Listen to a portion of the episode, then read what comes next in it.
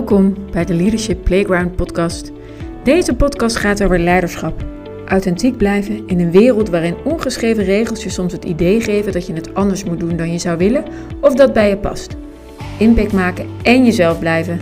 Ik, Lonneke Titulaar, ga je met ideeën, verhalen en praktische tips helpen om jouw eigen vorm van leiderschap te vinden, waarbij authenticiteit centraal staat.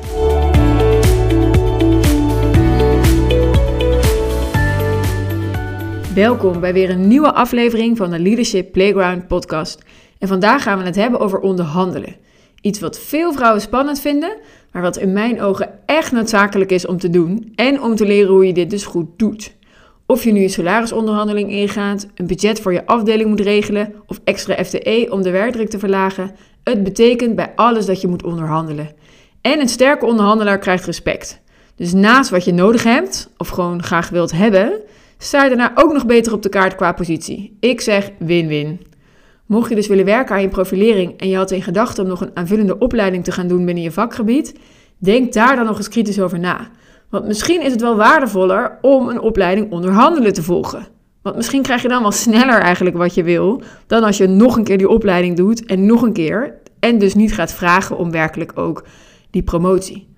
Ehm, en meisjes leren vaak al als ze jong zijn dat het niet netjes is om te vragen als we jong zijn, krijgen we altijd te horen: kinderen die vragen worden overgeslagen. ik, oh, ik kan me er momenten nog herinneren dat dat gezegd werd. En eigenlijk heb ik in de tussentijd geleerd dat het neerkomt op meisjes die zwijgen, zullen niets krijgen. als het gaat om een promotie. Veel vrouwen heb ik om me heen gehad die mopperen dat ze geen promotie krijgen. Mijn baas ziet het niet, ik word overgeslagen, anderen krijgen het wel. En als ik dan vraag of ze hebben aangegeven dat ze het ook willen, dan kijken ze me vaak verbaasd aan. Kijk, je moet snappen, mensen kunnen niet ruiken wat je wil. Wat je ambitie is, of wat je als volgende stap in gedachten hebt, dat zul je toch moeten aangeven. En hierom vragen is dus niet je anders voordoen dan je bent. Ja, dit is gewoon uit je comfortzone stappen. En als je echt je leiderschap wil pakken, ja, dan moet je dit spel gewoon goed leren. je kunt beter voor jezelf en de mensen om je heen zorgen als je dit goed beheerst. Kijk, en zeker als vrouw moeten we aangeven wat we willen. Want het stereotype is nog steeds dat vrouwen minder ambitieus zijn dan mannen. Dat wij liever part-time werken, voor de kinderen zorgen. En dat carrière maken dan toch echt minder belangrijk wordt of is. dat wij dus andere prioriteiten hebben. En ook worden wij dus niet automatisch gekoppeld aan het beeld van een goede leider. Alles behalve zelfs. Dus ook dit zullen we moeten aangeven om onze manager te laten weten dat we dat graag willen. We moeten ervoor zorgen dat het stereotype beeld wat in het hoofd van die ander zit, dat dat wordt aangepast. Om je hier bewust van te zijn. Het gaat om hoe jij anderen dus zelf soms veroordeelt, maar ook hoe anderen dus naar jou kunnen kijken. Belangrijk dus om ervoor te zorgen dat bij de ander het juiste beeld van jou gaat ontstaan. En een van de manieren die meest effectief zijn, is dit gewoon aangeven. En onderhandelen doen we de hele dag. Kleine dingen, grote dingen. als je bijvoorbeeld naar een bepaald congres wil gaan, of als je de vraag krijgt om een extra taak op te pakken, hè, onder welke voorwaarden doe je dat dan?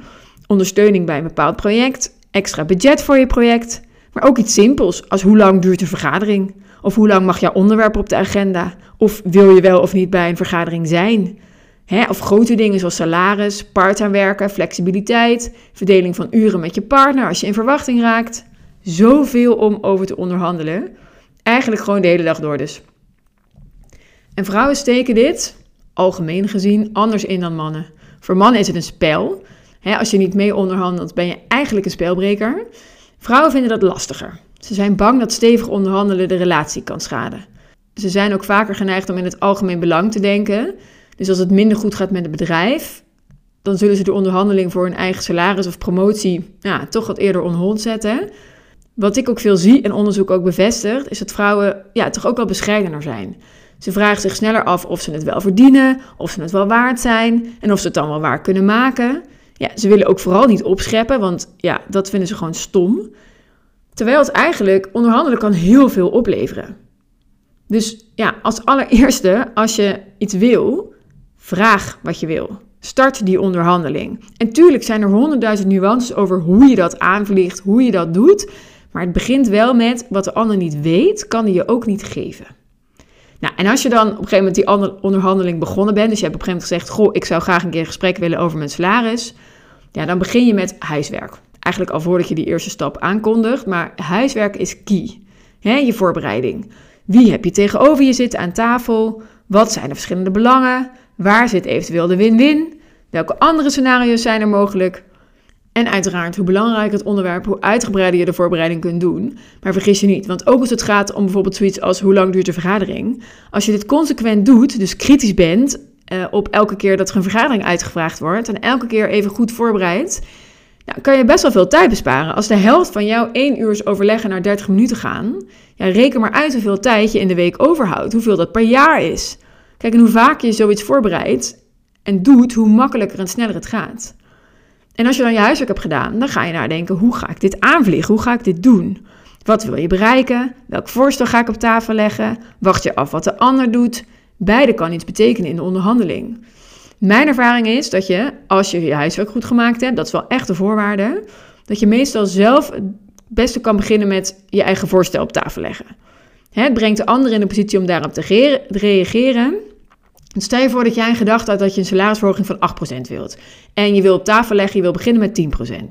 Kijk, als de ander een beetje in de range zit van 2 tot 3%, want dat doen we bij iedereen. Ja, en je had diegene laten openen, had je dan alsnog het lef gehad om die 10% op tafel te leggen. Met welk vertrouwen had je dat dan nog gedaan? En tuurlijk, als jij 10% legt en die ander zegt, oh, ik zat meer te denken aan 2 tot 3, ja, dat kan ook even heel ongemakkelijk voelen. Maar het ligt wel al op tafel, je bent er al wel mee begonnen. En als je je huiswerk hebt gedaan, dan weet je wat redelijk is. En dan weet je wat marktconform is, wat je collega's verdienen, nou ja, et cetera. Dus ja, hou goed in de gaten hoe je je voelt en hoe je dat dus aan wilt vliegen. En anders ook leg de lat hoog. Dus als jij bijvoorbeeld je budget onderhandelt voor je afdeling, zet altijd hoger in, want je weet dat het een spel is. En nou, ik kan meestal de vuistregel voor dat soort dingen om dan 10 tot 15 procent boven wat je werkelijk wilt te gaan zitten.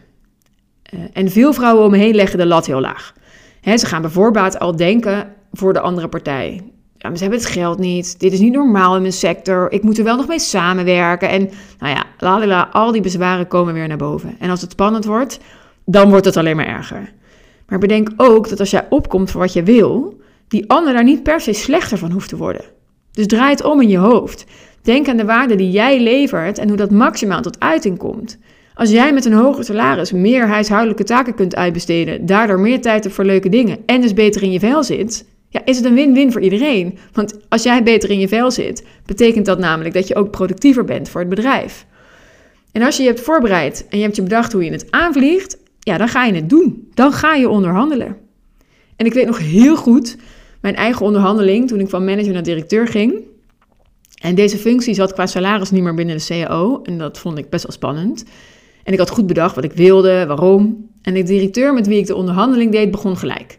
Nou, dan gaat het nu dus om de voorwaarden. En we hebben standaard de regel dat bij een promotie een 5% verhoging wordt gegeven. En ik weet dat ik echt super teleurgesteld was. En nou ja, ik had echt in mijn hoofd wel heel wat meer hoger zitten dan die 5%. En blijkbaar had hij dat ook gelijk aan mijn gezicht afgelezen. Want voordat ik überhaupt iets kon zeggen, zei hij al: Oh, dit valt je tegen zo te zien. Toen legde ik dus heel duidelijk uit wat ik ervan vond. En dat voor mij een verhoging van 5% gewoon niet interessant genoeg was. Ik had best wel wat stappen gezet binnen het bedrijf. En elke keer bungelde ik onderaan. Ehm, zeg maar de schaal wat in de CEO stond. En elke keer kreeg ik weer te horen: ja, dit is ook om te leren. Uiteindelijk ga je een stap zetten waarbij je echt goed gaat verdienen. Nou, en toen ik zei ik hem dat ik vond dat deze stap dat eigenlijk wel zou moeten zijn. Nou, dat snapte hij en hij zei: geef me een moment, ik ga dat nog even met haar bespreken, ik kom er bij hem terug. Nou, prima. Dus op een gegeven moment kwam ik hem op de gang tegen. En toen zei hij gelijk: Nou, ik heb het met HR besproken. Uh, en hij zei: Er kwam een nieuw voorstel. Maar hij zei ook gelijk: dit is het. Meer kan ik niet doen, dus uh, take it or leave. En nou ja, het was vele malen hoger dan ik had gehoopt. Dus ik dacht, top, ik stemde toe, helemaal blij. En het stomme was, ik denk, nou, een paar weken later kreeg ik mijn nieuwe contract opgestuurd... met dus mijn nieuwe salaris erin vermeld. En daar zaten dus ook arbeidsvoorwaarden bij voor die nieuwe functie. Dus blijkbaar waren er wel algemene voorwaarden voor mijn rol. Ja, en daar stond ook een salarisrange in genoemd. En het bleek dus dat ik ver onderaan die range bungelde... En dus waarschijnlijk minder verdiende dan alle andere mensen binnen het bedrijf op hetzelfde niveau. Kijk, ik kon erom lachen, want ik was nog steeds super blij met het resultaat. Maar het was wel een les, want één telefoontje naar HR had me echt heel veel geld kunnen opleveren. En de reden dat ik al die jaren onderaan eigenlijk in de schaal bungelde, uh, duurde gewoon even voordat ik onderhandelen voor mezelf ook echt door had. Dus Toen ik begon als trainee was er een vast salaris voor iedereen die binnenkwam. Althans, dat dacht ik en vele trainees met mij. En toch bleek dat er iemand van onze lichting, dat er iemand was die een hoger salaris onderhandeld had. Dus het kon dus wel. Maar het kwam bij mij niet eens in mijn hoofd op. En na mijn traineeship, duurde twee jaar, uh, startte ik bij Finance. En die onderhandeling heb ik gewoon verprutst. Uh, en dat zat vooral op vertrouwen in mijn eigen kunnen. Ik was blij dat ik daar mocht starten, de kans dat ik kreeg om daar te gaan leren. Um, dat ik in mijn hoofd had zitten van, joh, het maakt me niet heel veel uit wat ze betalen. Uh, ik wil dit gewoon gaan doen. En degene met wie ik toen de onderhandeling deed, stond ook bekend als een harde onderhandelaar. En ik was zo bang om het niet goed te doen. Ja, ik wilde er eigenlijk gewoon niet aan beginnen. Dus in het gesprek vroeg hij, ja, waar zat je aan te denken? Dus ik noemde een bedrag, maar ik gaf eigenlijk ook mijn minimum erbij. Dus zo van, ja, uh, eigenlijk 3500 euro, maar ja, toch wel minimaal 3300. Nou ja, dus je snapt wat hij deed. Dus hij zat van, nou, uh, ik zat te denken aan 3300 bij een jaarcontract. Maar als je een vast contract wil, dat kan ook, maar dan wordt het salaris 32,50. Nou, ik weet dat ik echt dacht, uh, contract. Ik had niet eens als optie meegenomen dat het een onderdeel was van de onderhandeling. Um, en eigenlijk, ik vond die 32,50 ook nog best wel redelijk. Dus ik dacht, prima, gaan we doen. Ja, tot ik hoorde dat een mede-trainee 37,50 had onderhandeld. Of in ieder geval, ik weet de exacte bedragen niet meer. Maar hij zat ongeveer in ieder geval 500 euro boven wat ik had onderhandeld. Ja, en hij vond het eigenlijk nog niet eens heel veel. Maar dat is dus wel 500 euro per maand minder. En elke verhoging die je jaarlijks krijgt, bijvoorbeeld in de CAO staat dat je 3% erbij krijgt, of 5%, of nou, in deze tijden wat meer. Daar telt die 500 dus in mee. Um, dus dat gaat, ja, als je dan kijkt naar je hele carrière, dat telt gewoon op. Dus ook daarin weer, vanaf dag 1, leer onderhandelen en doe het. Heb dat lef. Ja, zo leer je van je ervaring. En elke keer werd ik er beter in. Ja, en nu durf ik ook echt schaamteloos te vragen wat ik wil. Uh, en een eerste nee is ook eigenlijk gewoon het begin van het spel. Um, en een ander aspect, als je eenmaal in gesprek bent, is duidelijkheid. Dus ben duidelijk en meen dit. Kijk, bij mij was het dus mijn gezicht wat boekdelen sprak. Um, maar zeg wat je nodig hebt, zeg wat je wil, meen dit ook en zorg dat je het kan onderbouwen. Um, dus ga er geen doekjes omheen binden, geen roze lintjes, vlak het niet af, uh, geen verkleinwoorden van misschien dit of ja, nee, gewoon dit wil ik en daarom verdien ik dat. Want dan kom je veel krachtiger over en dan weten anderen ook, dit moet ik serieus nemen. En als de ander een voorstel heeft wat onder jouw ondergrens zit, ja, dan moet je dus ook bereid zijn om weg te lopen. En dat vinden mensen ook heel spannend, dus daar moet je goed over nadenken. Hè? Dus ook wat zijn mijn alternatieven? Ja, als het bijvoorbeeld over salaris gaat, over promotie en ze zeggen gewoon nee, en na de tweede keer nog steeds nee, ja, wat ga je dan doen? Blijf je of ga je dan toch een andere baan zoeken? Dus denk daar goed over na, want dat ja, is wel input voor hoe hard je de onderhandeling in wil gaan. En dan ook nog een laatste um, om mee te geven is, leg vast wat je besproken hebt. Vaak ben ik weggelopen van een overleg met een bepaald resultaat in mijn hoofd. Ja, en bleek de ander zich dit toch echt anders te herinneren. Dus ik heb geleerd om achteraf altijd even een mailtje te sturen met wat er afgesproken is, om verwarring te voorkomen. Of dat je de notulen even goed checkt op hè, hoe concreet staat het er werkelijk in. En hoe concreter, hoe beter. Want naarmate de tijd vordert, zullen, zeker anders, of zullen afspraken zeker anders uitgelegd worden. Ja, en dan kan je weer opnieuw beginnen. Hè, een klein voorbeeld was een overleg. Daar was ik voor uitgenodigd. Ik moest er ook echt bij zijn. Eén eh, keer in de zes weken. Dan denk je, ja, dat is niet zo vaak. Maar het was voor drie uur. En ik vind drie uur gewoon lang. Alleen al om drie uur geconcentreerd te blijven. Maar het is ook gewoon een flinke blok in je agenda.